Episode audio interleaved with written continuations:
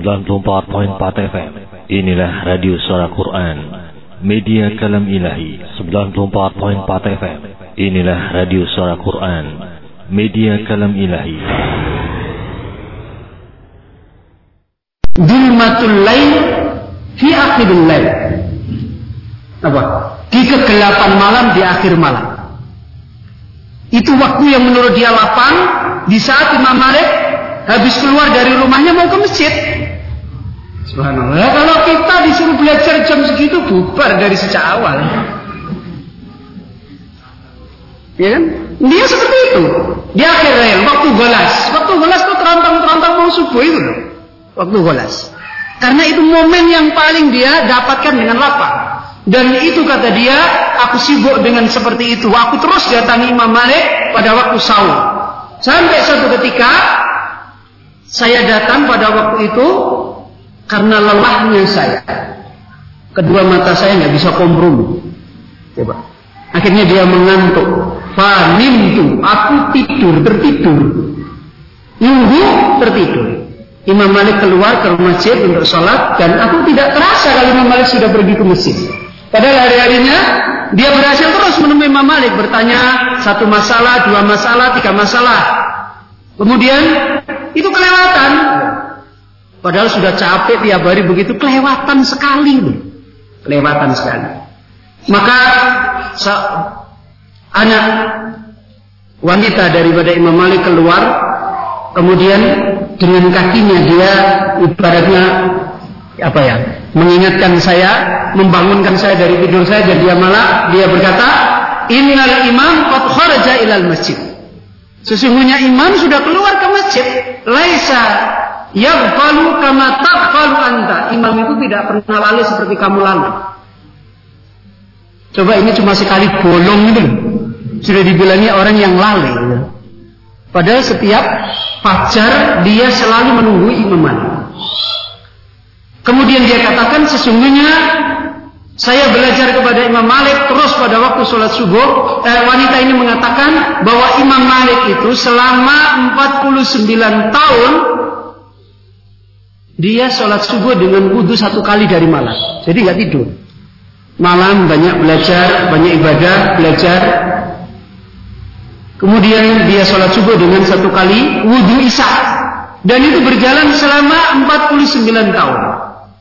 Maka dia mengatakan, Ibnu Qasim, aku menunggu Imam Malik di pintunya pada waktu galas untuk belajar itu sab'a asrati sanatan asratin sanatan. Berapa ini? Sab'a asrata sanatan. 17 tahun. Itu begitu terus. Tiap subuh dia menunggu. Sementara diterangkan dia ada istrinya, ada anaknya di sana dan seterusnya sampai dia menyatakan wallahi ma bi'tu fiha. Demi Allah, saya selama itu tidak pernah membeli. Apa menjual? Saya nggak pernah menjual, nggak pernah. Coba pikir. Artinya apa? Dia tidak sebut yang lain. Wa itu syai'an dan saya juga nggak pernah membeli. Sudah itu waktu saya untuk itu. Orang bisnis gitu loh maksudnya. Nek orang sekarang enggak enggak melakukan itu. Wa inna ma'atlubul ilmu. Hanyalah saya selalu menuntut ilmu. Sampai suatu ketika di Mesir berkuasa Al-Hajjaj dan kemudian dia melihat ada seorang pemuda yang masuk di dalam masjid kemudian bersalam pada Imam Malik. Kemudian dia Imam Malik bertanya Afikum Ibn Al-Qasim? Apakah kamu adalah Ibn Al-Qasim? Kemudian dia menunjuk kepada saya. Maka orang pemuda ini ketika menunjuk kepada saya fa'aqbalu ala yaqbalu aini wa yadayya. Saya pun berjabat tangan dengan dia dengan kedua tanganku dan saya mendapati di tangannya itu ada bau yang menyenangkan aku.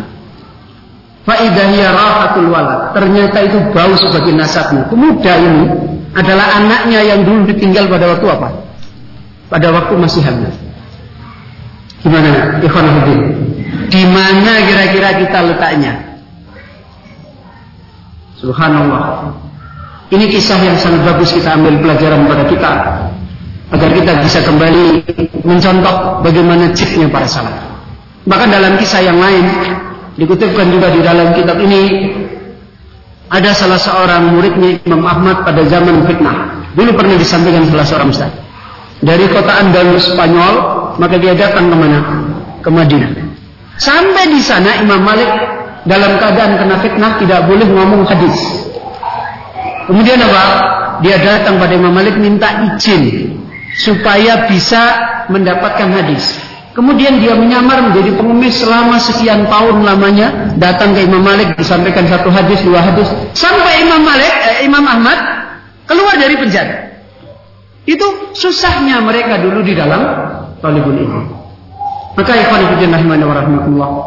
Mudah-mudahan beberapa contoh-contoh yang kita sudah ambil faedah maka kita senantiasa mendapatkan pengajaran sebagaimana anda bisa baca di dalam kitab itu lagi penjelasan Syaikhul Musin Lalabat. Kemudian kita masuk pada adab yang ketiga dan adab yang keempat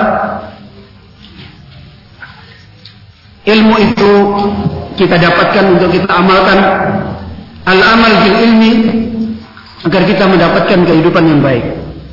Dan kemudian untuk kita ajarkan, kita sampaikan, kita tunjukkan pada manusia mana yang baik dan mana yang buruk. Dan itulah kemenangan jalan di dalam mendapatkan ilmu. Dan inilah para ulama yang benar, orang-orang yang mendapatkan ilmu yang bermanfaat. Di antara nasihat yang diterangkan di sini satu hal yang dinasihatkan oleh Syekh Abdul Muhsin ketika beliau menerangkan tentang orang yang tidak mengamalkan ilmunya. Yaitu hadis yang sudah sering kita dengar. Apa? Tiga golongan manusia yang pertama kali dilemparkan di dalam neraka. Siapa? Siapa yang sudah pernah dengar? Orang yang belajar Al-Quran. Kemudian orang yang jihad. Kemudian orang yang sodako. Dan bagaimana akhir kesudahannya? Allah mengatakan kepada mereka kadabta. Kamu dusta, kamu bohong. Kemudian di akhir hadis, summa umira bihi fasuhiba. Kemudian dia diperintahkan termasuk orang alim yang seperti ini kemudian dia diseret atas wajahnya, kemudian dia dilemparkan ke dalam neraka. Di mana letak dia tidak beramal? Di mana letak dia tidak beramal di sini? Hah? Di mana letak dia maksiat kepada Allah? Maksiatul qalb. Apa? Maksiat itu. Dan itu maksiat yang besar. Niat yang salah. Jadi jangan dianggap itu bukan urusan maksiat yang besar. Karena itu dijaga keikhlasan dan itu bentuk kita mengamalkan ilmu. Sebagaimana diterangkan di sini, bahkan saya Abdul Masud menerangkan kalau li'anna man ya'sillaha ala basiratin aswa halan mimman ya'sihi ala jahli. Kenapa? Karena sungguhnya orang yang maksiat kepada Allah dalam keadaan dia di atas ilmu itu lebih jahat daripada orang yang bermaksiat kepada Allah dalam keadaan dia tidak tahu. Dia tahu ilmunya bahwasanya ilmu itu harus ikhlas, dia tidak ikhlas. Itu lebih jahat, lebih besar nilai maksiatnya di hadapan Allah daripada orang-orang yang belum tahu kemudian dia tidak ikhlas. Makanya ini satu peringatan yang sangat penting yang dinasihatkan oleh beliau. Bahkan beliau mengingatkan mengutip sebuah syair idza kunta idza kunta la tadri fatilka musibatun. Kalau kamu tidak tahu maka itulah musibah. Orang berilmu tahu ini harus ikhlas untuk Allah, tetapi kepentingannya bukan untuk Allah. Jadi fitnah akhirnya dan itu musibah. Sudah tahu barang tidak benar, harusnya begini dia punya ilmu maka dia langgar. Wa in kunta tadri fal musibatu adam. Kalau kamu tahu itu sebuah bencana, itulah bencana yang paling besar. Dan ikhwan demikian pula membicarakan ilmu ini Tadi sebagian kita sudah dapatkan. Maka terakhir dalam sebuah syair Muhammad Ibnu Abi Aliyin Al Asbahani pernah memberikan nasihat kepada sebagian mereka tentang masalah ilmu. Sebagaimana dalam syair di situ halaman 38 I'mal bi ilmika tagna ayyuhar rajul. La yanfa'ul ilmu idza lam yahsun al-amal idza lam yahsunil amal. Beramallah dengan ilmumu maka kamu akan meraih ghanimah meraih keberuntungan. Wahai seorang laki-laki atau wahai seseorang.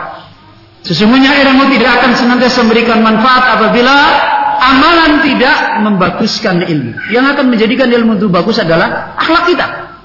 Amalan kita.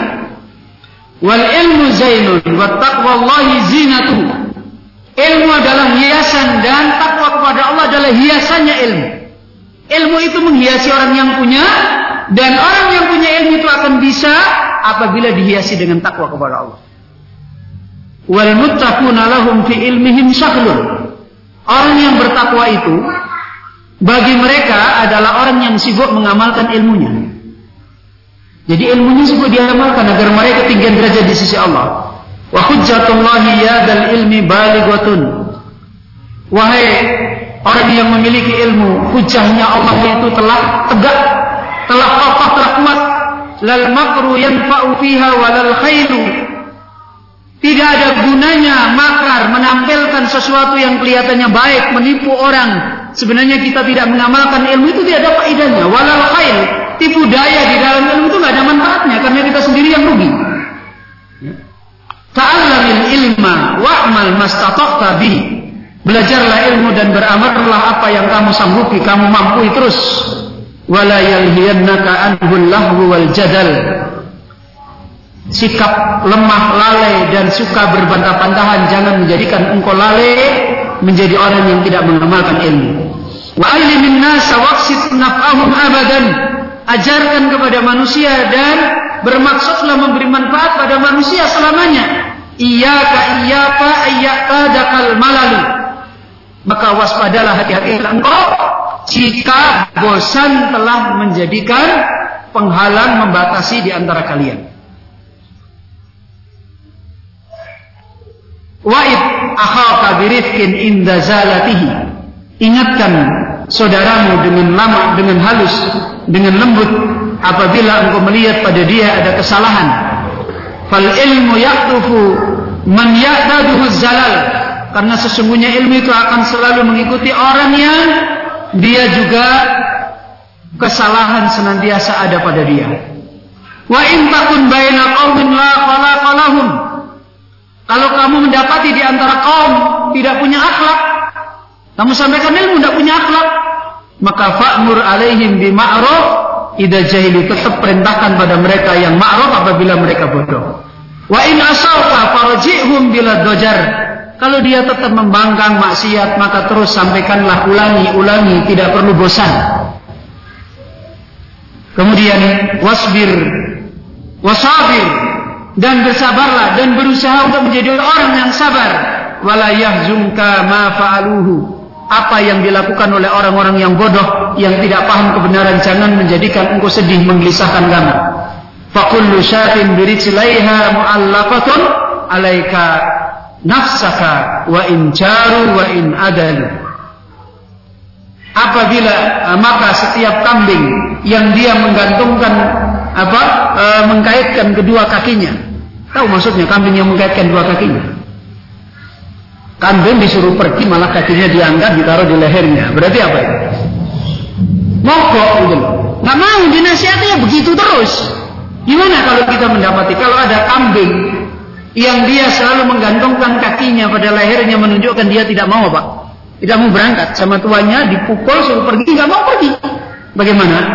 Maka pentingkanlah dirimu sekalipun mereka tetap dolim dan mereka tetap berpaling sudah yang penting kita sudah menyampaikan kita selamat ini nasihat tentang masalah ini bagaimana kita menjadikan ilmu untuk kita amalkan dan kita menyampaikan kepada orang lain agar mendapatkan kebaikan dari Allah Azza wa Jalla dan tetap sabar dan itulah jalan orang-orang mulia dari para ahli ilmu, para nabi, para pewaris-pewaris mereka. Kemudian yang terakhir, masih ada waktu lain. Mana ini Ustaz? Oh masih ada, ya. Yang terakhir, tauqirul ulama wal istifadatu min ilmihim. Ini merupakan juga wasilah yang paling agung yang kadang-kadang orang tidak memahami bahkan dipahami terbalik yaitu apa? Hah? memuliakan ulama menghormati ulama kemudian apa mengambil faidah dari ilmu mereka. Masalah ini biasanya masalah yang banyak menjadikan penuntut ilmu akhirnya jatuh di jalan. Karena tidak bisa punya akhlak memuliakan orang alim menghormati dengan segala keadaannya dan tetap mengambil faidah ilmu dari mereka. Dalam faidah sebagaimana kita tahu ada tidak manusia yang luput dari kesalahan, dari kekurangan, apalagi orang-orang seperti kita pada zaman akhir? Ada nggak? Ada nggak? Hatta orang alim, ada nggak? Sekarang bagaimana kalau seorang talibul ilmi tidak bisa menghormati seorang alim?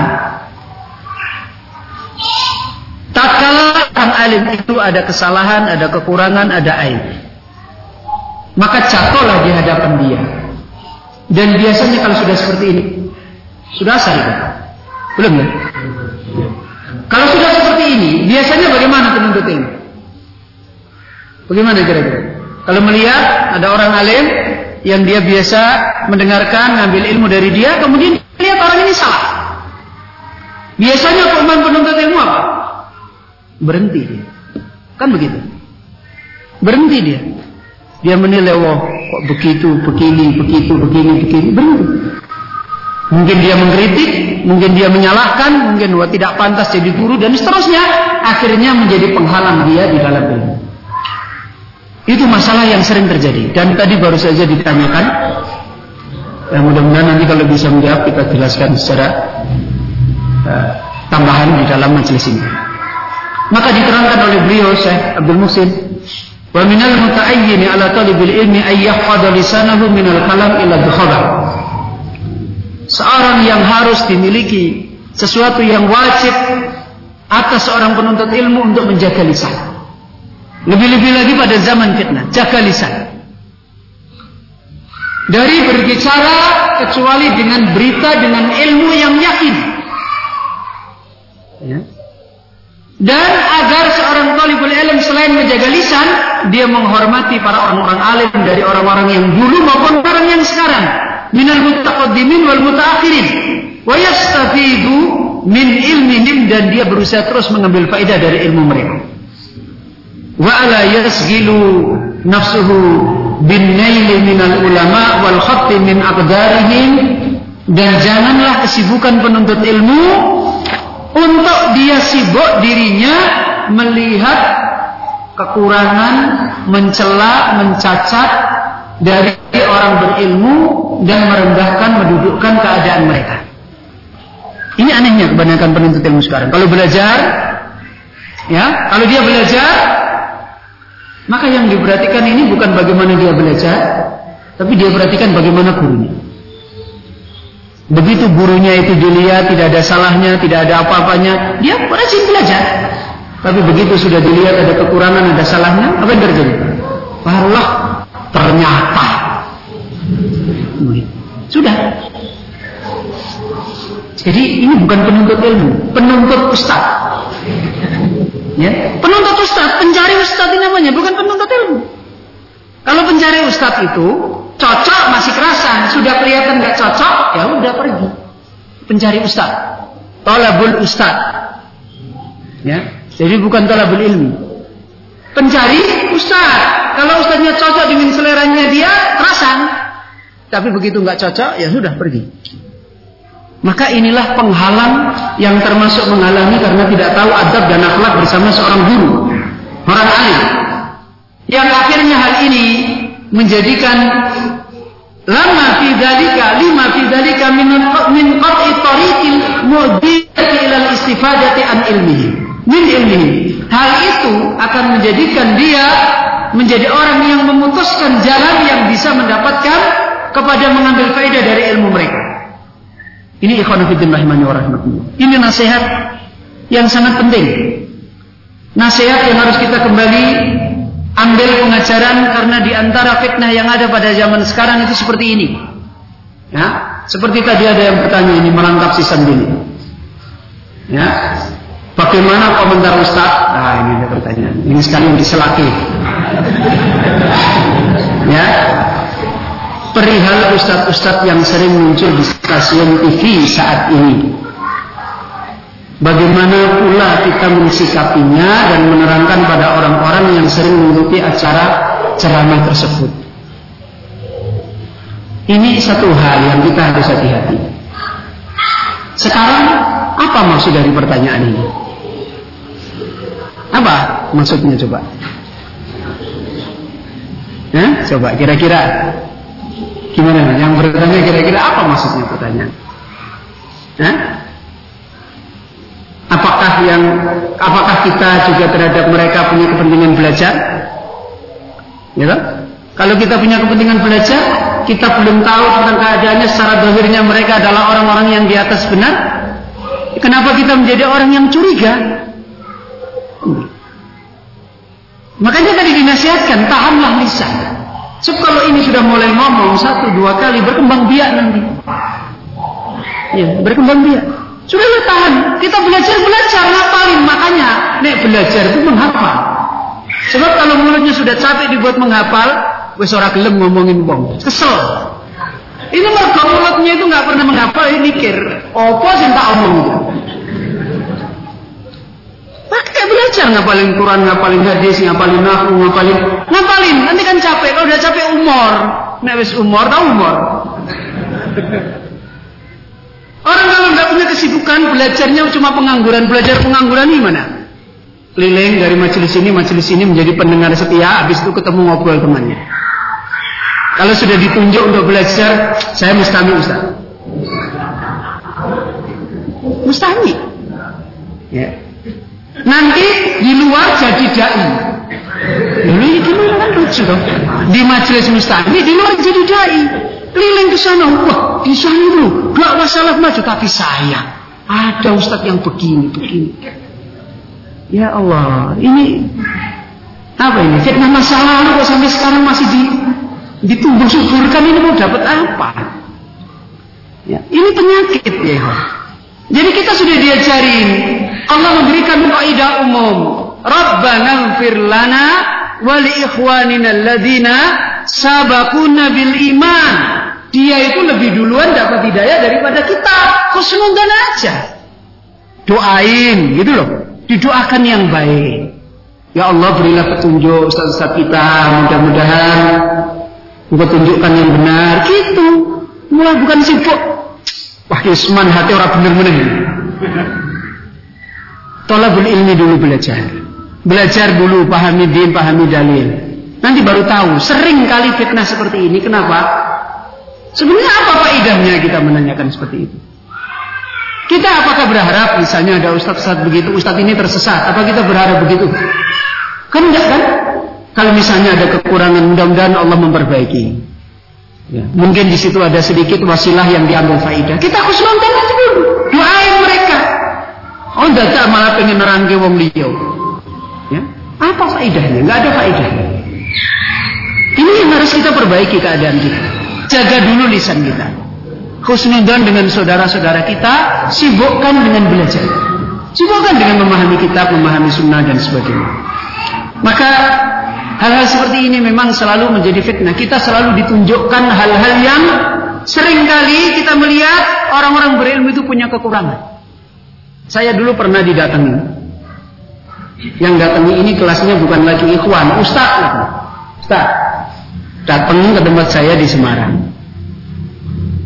Saya disuruh untuk apa? Membarok ustadz-ustadz yang menerima bantuan dari tempat-tempat yang bantu gitu. Saya bilang, Ustaz gimana itu? Menerima bantuan gini-gini dari ini, ini, ini, ini, ini. Saya jawabnya sepele. Saya waktu itu jawabnya, saya itu alhamdulillah dari dulu ya tidak pernah saya mendapatkan mencari bantuan-bantuan dan begitu sudah lama. Saya kalau mau itu sudah dari dulu. Kita ngaji salaf itu sejak zaman dulu Ustaz Abu Nida, Ustaz yang lain pertama kali di Jogja di G7. Belum ada orang, belum ada pondok Ukhuwa, belum ada pondok Bukhari, belum ada pondok Al-Purwan Gresik itu dulu di Jogja. Dan juga ya biasa kita tidak dapat apa. Terus kemudian Ustaz Alhamdulillah diberi kemudian oleh Allah. Saya nggak mau sibuk ngurusin mereka, padahal saya nggak dapat apa-apa. Saya bilang kalau kamu bisa berdakwah tanpa bantuan, itu kan lebih baik. Contohnya saja, tidak usah sibuk ngurusi yang berdakwah dapat bantuan. Kecuali kamu lihat dia itu menyimpang, kemudian dinasihati yang nggak mau dan sebagainya, itu lain persoalan. Secara dohir dia baik, dia lurus dakwanya, sudah kita doain. Bisa jadi kalau bantuannya ini kamu yang dapat, kamu tidak bisa amanah, bu entek no. Belum tentu. Itu yang terbaik bagi mereka karena mungkin mereka diberi di, diberi oleh Allah karena mereka amanah. Kita nggak diberi, kita mungkin nggak amanah. Nah, sudah kita contohin yang berdakwah dengan itu biar yang penting dinya baik, lurus dan sebagainya. Itu itu sampai datang itu begitu. Jadi yang namanya fitnah, kekurangan orang-orang berilmu di zaman ini sekarang ini di antara kembali yang marak di dalam dakwah itu mengkritisi orang-orang yang menyampaikan dakwah. Dan biasanya ini sumbernya dari ikhwan-ikhwan yang belajar, yang belajarnya itu adalah tukang incit-incit. Tahu tukang incit-incit? Ya, dari dulu itu begitu. Kelilingan gitu loh. Jadi belajarnya itu kelilingan kayak jadi apa itu? Yang kerja kelilingan itu? Sales. Ya, kayak sales. Kelilingan. Nanti kalau ketemu, wah aku sudah belajar loh sama Ustaz Bulan. Aku sudah Ustaz Bulan. Duduk satu jam, besok pindah lagi sana, pindah lagi sana, pindah lagi sana, nggak mudah. Dan orang-orang seperti ini biasanya apalagi orang lain dia sendiri aja nggak bisa istiqomah. Jadi hati-hati ya kawan. Kita itu ngaji, dapat ilmu, pengen selamat. Dan di antara perkara yang membahayakan keselamatan kita adalah lisan lisan kita. Hati-hati kepada orang-orang yang berilmu. Sebagaimana dulu sudah kita sampaikan kan, kita ngomongin yang namanya gibah itu apa? Apa tuh gibah? Nyebut saudaramu apabila saudaramu ada dia tidak suka. Kan begitu kan? Itu Nabi kan mendefinisikan gibah kan begitu. Quran menerangkan seperti makan apa? Seperti makan bangkai. Nah kalau para ulama menerangkan ngomongin orang berilmu itu bukan lagi makan bangkai. Al-Imam Ibnu apa Asakir menerangkan seperti makan apa? Makan racun. Nah, kalau orang makan racun, makanya diterangkan hukum ulama masmumah. Dagingnya orang alim itu beracun, makanya hati-hati. Penuntut ilmu harus hati-hati terhadap orang berilmu, apalagi dia belajar sama dia. Kalau bahasa Jawa kuat, itu bukan karena sakti mondro bukan begitu. Lukumul ulama masmumah. Dagingnya ulama itu beracun. Kalau kita sudah berani memakan dengan tanpa hujah yang benar, ya sudah keracunan. Tidak lama umurnya agamanya itu pasti berantakan. Hati-hati Ivan, kita belajar itu untuk telapun ilmi memperbaiki diri kita. Jadi, sudah cukup banyak nasihat para ulama di dalam masalah ini. Saya tidak perlu bacakan semuanya. Yang jelas ini di antara wasilah yang menjadikan kemuliaan kita di dalam dunia. Antum baca di dalam kitab itu, mudah-mudahan Allah mendapatkan uh, Allah memberikan bimbingan kepada kita untuk bisa memiliki akhlak yang benar dalam perjalanan ilmu kita. Yang tadi diterangkan oleh beliau yang pokok adalah ikhlas, kemudian mau menderita di dalam jalan ilmu, kemudian menjadikan ilmunya siarnya adalah untuk bermanfaat pada dirinya sendiri, yaitu diapakan? Diamalkan. Bagaimana menjadi orang bertakwa? Kemudian yang keberapa? Keempat, bagaimana dia memberi manfaat pada orang lain. Kemudian yang terakhir adalah menjaga lisan terhadap orang-orang berilmu. Ini secara singkat yang bisa saya sampaikan dan saya yakin ini adalah banyak kekurangan. Apalagi kita punya cuma dicomot-comot. Ya, ini kebiasaan kita selalu kalau ngaji dicomot-comot seperti ini. Sebenarnya ngaji-ngaji seperti ini nih saya kurang serak. Ya. Sebab kalau di Semarang kalau yang namanya dakwah itu ya kitab itu diselesaikan entah berapa hari diselesaikan. Jadi ya tapi kebiasaan di sini lain mudah-mudahan suatu ketika mudah-mudahan suatu ketika berubah baik ngambil faidah kitab ulama itu harus hati-hati di sini aja dinasihatkan nah ini mumpung saya ingat di antaranya dinasihatkan oleh beliau, biasanya kegagalan penuntut ilmu itu tidak memahami jalannya para ulama di dalam ilmu. Di sini ada diterangkan oleh Syekh Abdul Musa. Dia tidak memahami jalannya ulama, kemudian dia baca kitab ulama tersebut, akhirnya dia salah paham dan banyak terjadi fitnah. Makanya setiap kitab ulama mesti di sana ada apa? Ada mukaddimah. Kan begitu kan? Mukaddimah itu penting. Karena mukaddimah itu biasanya ulama nerangkan bagaimana istilah-istilah yang dia gunakan di dalam metode kitabnya sehingga mengantarkan orang bisa mengambil faedah dengan baik. Dan itu semuanya ya kembali kepada kita. Kalau penuntut ilmunya tidak menjadi orang-orang yang kokoh di dalam tolakul ilmu dengan benar, ya sudah, susah. Maka mudah-mudahan apa yang kita kajikan pada kesempatan ini kembali menjadi nasihat kepada kita untuk kita bisa memperbaiki jalan ilmu kita baik kita sebagai seorang talibul ilmu maupun kita sebagai orang yang mengajarkan ilmu Allah SWT Mudah-mudahan kita termasuk orang-orang yang ditolong oleh Allah sebagaimana kata Ali bin Thalib, "Talibu ilmin ala sabilin najah." Penuntut ilmu yang mendapatkan jalan keselamatan. Kita akhiri, belum diakhiri masih ada. Hah? Ini tadi sudah. Saya mohon maaf mungkin pertanyaannya tidak semuanya saya bisa menjawab. Tolong nasihatnya terhadap orang yang belajar hanya dari buku atau hanya membaca buku. Iya ini masalahnya masih umum ya. Membaca buku itu buku bagaimana, terus caranya bagaimana, ini masih perlu butuh buku dalam pengertian terjemahan dengan buku dalam bahasa Arab. Apa buku dalam bahasa Arab? Kitab ulama, ini tentu berbeda juga ya kan? Yang jelas sebagaimana beliau Utsaimin rahimahullah menerangkan bahwasanya hukum asal di dalam talabul ilm harus dengan guru. Harus dengan guru. Terutama bagi penuntut ilmu yang mubtadiin yang baru mulai melangkahkan kaki menanamkan kaidah di dalam ilmu. Kemudian yang kedua adalah dengan kitab-kitab para ulama dengan kitab-kitab para ulama. Ada sebuah perkataan orang yang gurunya itu adalah bukunya, maka dia keluar tidak membawa ilmu. Kata saya ini, kalimat ini tidak mutlak Kalau orang membaca kitab-kitabnya para salah yang lurus, baik dan dia punya kemampuan ilmu membaca itu, maka insya Allah dia dapat ilmu. Hanya belajar dengan guru itu akrabut tarik. Apa? Jalan yang paling mendekatkan untuk sampai pada ilmu. Biasanya orang belajar sendiri apalagi yang masih pemula itu susah. Harus ditanamkan. Nanti setelah itu dia bisa juhud kepada kitab-kitab para ulama.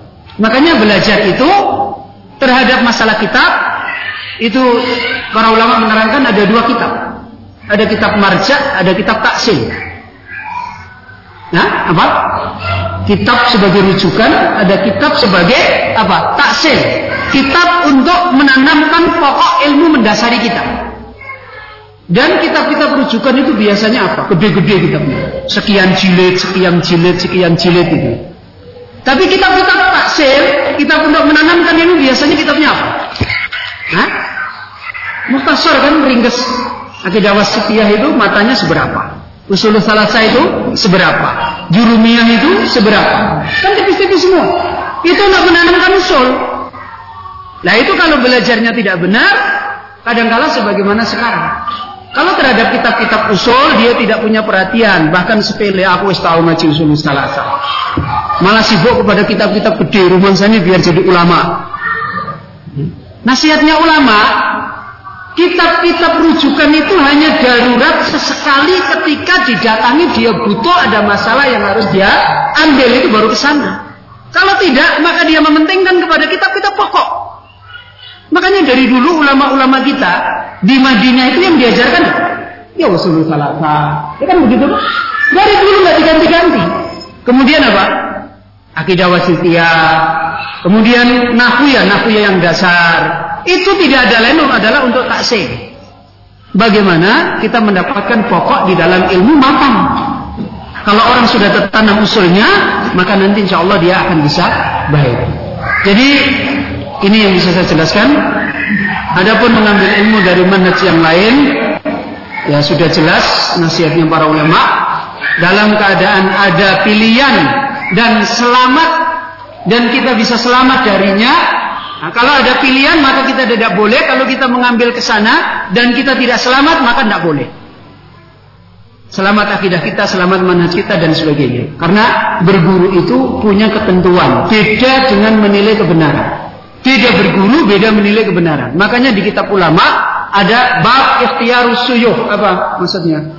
Memilih guru. Tapi kalau menilai kebenaran lain. Walaupun pada iblis ada kebenaran dinilai kebenaran enggak jadi nilai. Nabi mengatakan apa? Bahwasanya apa yang dikatakan iblis tentang surat apa? Ayat kursi adalah apa? Benar tetapi dia apa? Pendusta. Ini menilai kebenaran kan menilai kebenaran tapi berguru itu lain jadi kadang-kadang orang salah, itu boleh berarti kita berguru sama iblis. ini nggak karu-karuan ini. Ya saya kira itu. Ini saya kok nggak pernah lihat jam ini gimana?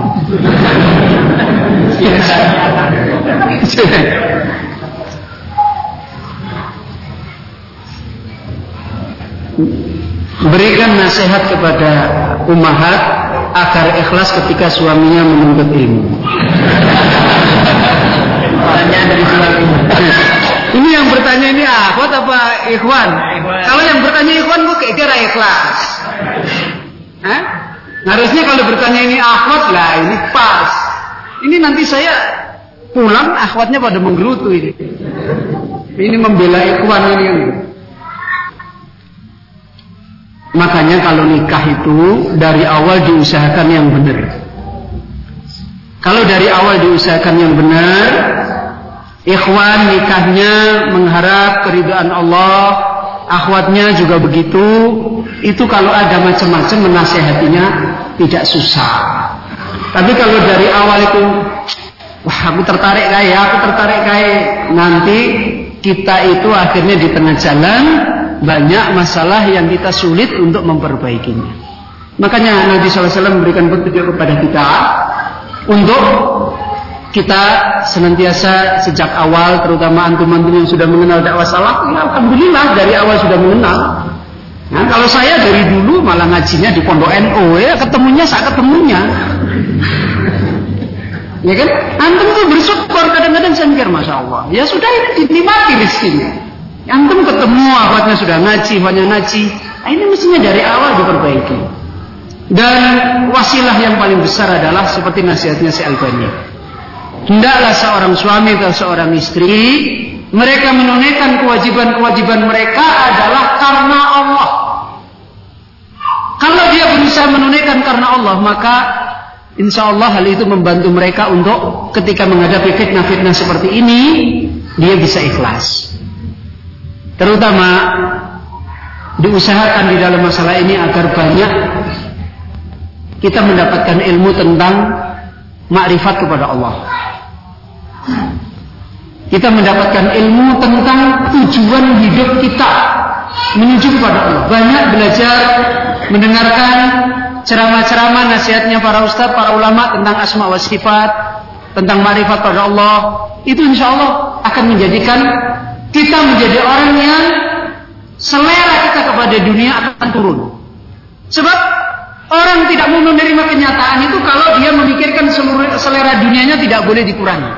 Kan begitu akhirnya. Tapi kalau dia bisa turun dan kemudian khusnudan pada Allah, maka insya Allah. Sebagaimana nasihat yang sering saya ungkapkan dan juga banyak diungkapkan ulama dalam beberapa kitab-kitab mereka, bagaimana keluarga yang bertauhid menjalani hidup. Siapa Imamul Hunafa? Hah? Pemimpin orang bertauhid itu siapa? Hah?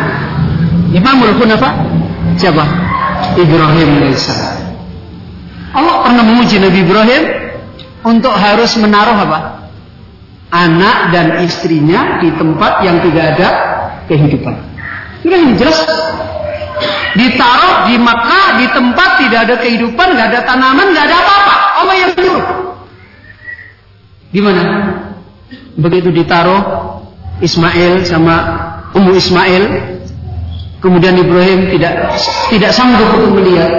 dibekali kurma dan minuman satu gantang, dia membalikkan wajahnya. Kemudian bagaimana Ummu Ismail? Manusiawi. Ya kan? Apa? Ya Ibrahim, kamu mau ke mana? Kamu taruh anak dan istrimu di tempat yang tidak ada kehidupan. Kan? Kalau kita harus nekat ya, gitu. Ini mau apa? Ibrahim tidak menjawab. Ini orang-orang yang bertauhid, yang yakin dengan Allah, tidak menjawab. Ibrahim diam, kemudian istrinya yang berbicara bukan peranginya, tapi imannya. Istrinya ngomong lagi, kalimatnya yang kedua sudah lain. Kalau tadi yang berbicara nalurinya sebagai sebagai wanita, ini yang berbicara adalah imannya, marifatnya kepada Allah.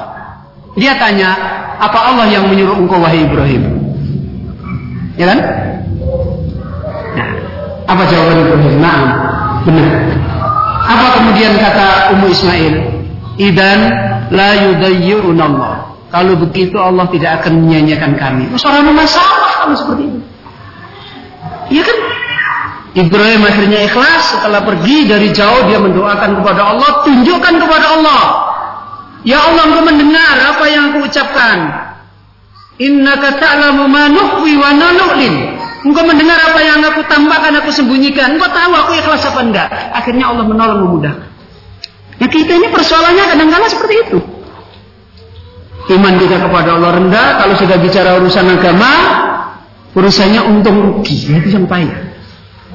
Kalau sudah berbicara masalah agama, buat matematika, memang karena dulu biasa di sekolah diajarin matematika. Didata kerugian saya dengan suami saya ini. Kerugian saya dengan istri saya ini. Wawis sudah beres. Ya ini yang jadi fitnah. Ya Masya Allah. Ya.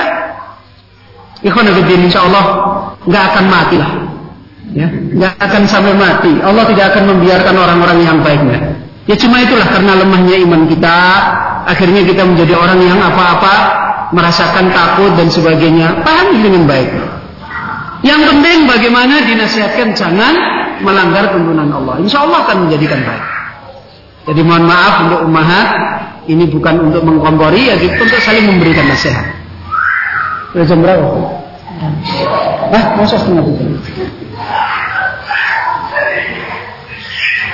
Oh, tahu kalau setengah tiga tadi materinya dilanjutkan. Pertanyaan-pertanyaan ini berat.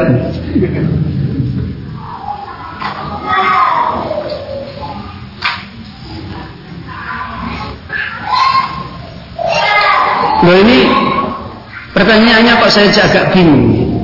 Seorang penuntut ilmu Alhamdulillah diberi rahmat bisa membaca dan memahami bahasa Arab. Namun untuk rajin membaca kitab nampaknya berat. Ini apa maksudnya? Mergoramu kenapa? ini gimana maksudnya? Membaca kitab kok berat itu maksudnya nopo ini? Ini mergo ora paham atau dia paham tapi nggak minat gitu loh. Nah kalau dia paham membaca kitab nggak minat ini ya kasihan. Gimana ini? Bahasa Arab itu adalah ilmu yang diajarkan oleh Allah. Wasilah untuk kita memahami ilmu yang paling agung di dalam kitab dalam sunnah sudah bisa bahasa Arab kok nggak minat? Ini kan memprihatinkan. Ya. Ya gimana maksudnya? Kalau dia tidak paham aneh katanya sudah paham bahasa Arab kok nggak nggak. Nah, ini gimana maksudnya? Mohon nasihat untuknya sekaligus.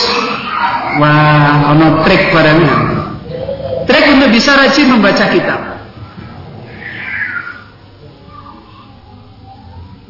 Jadi tadi kan sudah kita sampaikan.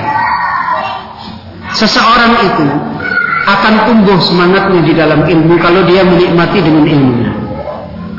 Saya yakin kalau dia memang membaca kitab, dapat faidah yang benar di dalam kitab itu. Apalagi kitabnya para ulama salah, jelas. Nggak mungkin dia bosan. Ya, artinya dia pasti menyukai. Jadi kalau memang dia paham, pasti dia menyukai. Pun apa yang dinasihatkan ulama dalam kitabnya karena ikhlas dan itu barokah. Ini jangan-jangan karena dia tidak paham. Jangan-jangan tidak paham. Dan dalam hal ini maka ilmu itu sebagaimana tadi sudah kita sebutkan. Kalau kita sebagai orang yang masih belum bisa merasakan manisnya ilmu baru orang yang memulai ilmu. Kita berusaha ada guru yang membimbing kita. Karena dari guru itu kita banyak mendapatkan ilmu dari sisi yang lain. Itu dari sisi apa? Dari sisi apa? Dari sisi kehidupannya seorang guru. Makanya banyak ulama memberikan nasihat. Kenapa orang itu harus punya seorang guru, ustadz yang dia belajar kepada dia? Karena sosok guru sendiri itu akan bisa menjadi nasihat bagi dia. Dia akan bisa melihat bagaimana seorang guru ini ketekunannya, sabarnya, contoh-contohnya, bagaimana menghadapi masalah. Akhirnya dia bisa mendapatkan nasihat dari sana. Dan dia juga mendapatkan bimbingan bagaimana cara mendapatkan faedah dari kitab-kitab para ulama. Kalau dia membaca secara bebas, dia tidak paham, sulit mana kitab ini, kitab ini, ini memahamkan ke mana, yang akhirnya menjadikan dia menjadi orang yang tidak mempunyai kecintaan dan bahkan malas karena tidak mendapatkan faedah dan malah menjadikan bingung. Jadi itu yang bisa saya sampaikan. Insya Allah kalau secara umum dia paham mendapati kitab para ulama dan dia mengerti jalan ilmu yang benar, ilmu yang apa dulu harus dia tanamkan pada dirinya dan sebagainya, maka insya Allah ilmu itu akan menjadikan hatinya menjadi orang yang mencintai pada ilmu. Wallahu a'lam bishawab.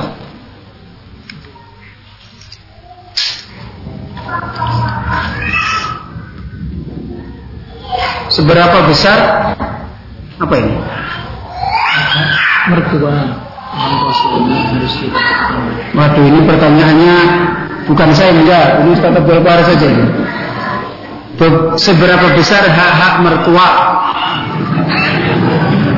Wah ini bukan bukan wilayah saya, ini kan ngajinya tentang ilmu, untuk mertua barang ini.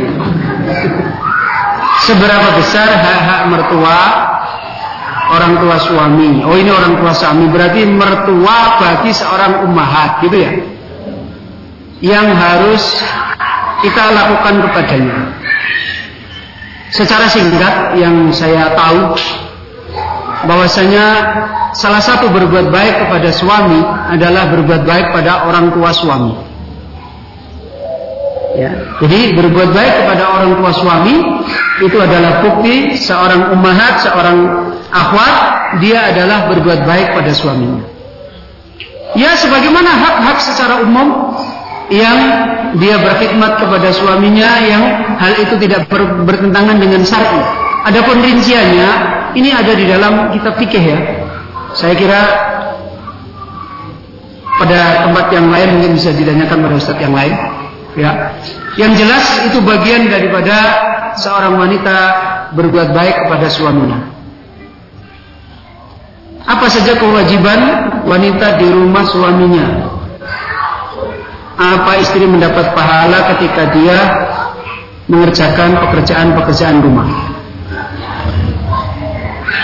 Di dalam kitab Adabul Zifaf yang ditulis oleh beliau Syekh Muhammad Nasiruddin Al-Albani, seluruh pekerjaan rumah bagi seorang wanita adalah ibadah. Ya, ibadah. Menyapu dan sebagainya itu ibadah.